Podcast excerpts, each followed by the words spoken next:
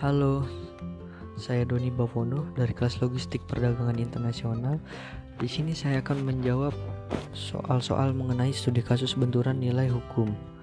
Soal yang pertama adalah berikan contoh tiga studi kasus yang menggambarkan benturan nilai hukum yang sering terjadi di masyarakat Indonesia. Nah, jadi ada tiga contoh yaitu keadilan hukum, kepastian hukum, dan kemanfaatan hukum. Benturan kepentingan situasi di mana terhadap konflik kepentingan seseorang terhadap suatu hal yang memanfaatkan kedudukan, jabatan, hubungan atau relasi untuk kepentingan pribadi, keluarga, atau golongan sehingga yang seharusnya dilaksanakan secara objektif menjadi subjektif. Lalu, contoh kasus yang pertama. Saat ada suatu pejabat yang tersandung hukum Contohnya, narkoba atau korupsi dalam jumlah besar dan ketika dibawa ke pengadilan malah terjadi pengurangan masa hukuman. Misalnya dari 20 tahun menjadi lima tahun dengan alasan yang tak masuk akal. Berbeda dengan orang yang tidak memiliki jabatan atau hubungan relasi yang malah ditambahkan dengan alasan-alasan yang tidak masuk akal. Bahkan terkadang yang memiliki jabatan walaupun dalam masa hukumannya para tahanan ini tetap hidup dengan nyaman bahkan ada yang dapat berkeliaran. Lalu contoh kasus yang kedua. Saat kita melaporkan suatu masalah atau kita kehilangan sesuatu misalnya masalah penipuan online atau mungkin kehilangan motor kita pasti melapornya ke kantor polisi.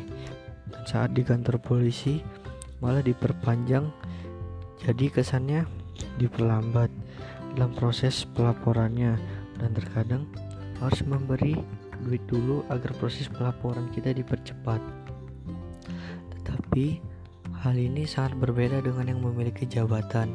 Pasti prosesnya akan selalu cepat.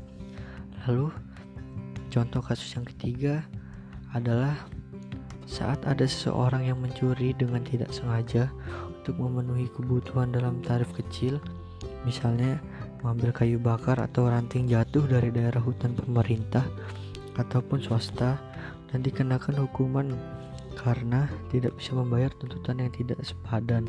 Dan hukumannya pun malah sama dengan penjahat yang merampok. Dan apabila dibandingkan maka masalah maka hukuman antara kedua ini tidak sepadan Lalu saya akan membacakan soal nomor 2. Temukan solusi kasus tersebut dengan kaidah Gustav. Jadi solusi menurut Gustav Radburg adalah hukum harus bisa menjamin keadilan bagi seluruh kalangan. Hukum harus bisa menonjolkan dengan jelas manfaat dari hukum yang dibuat dengan perhitungan matang dan semua kebijakan dan hukum dimulai dari orang yang memperhitungkan serta para filsafat hukum serta warga-warganya. Sekian dari podcast saya. Semoga dapat menambah ilmu kita semua. Terima kasih terima kasih karena telah mendengarkan dan sampai jumpa.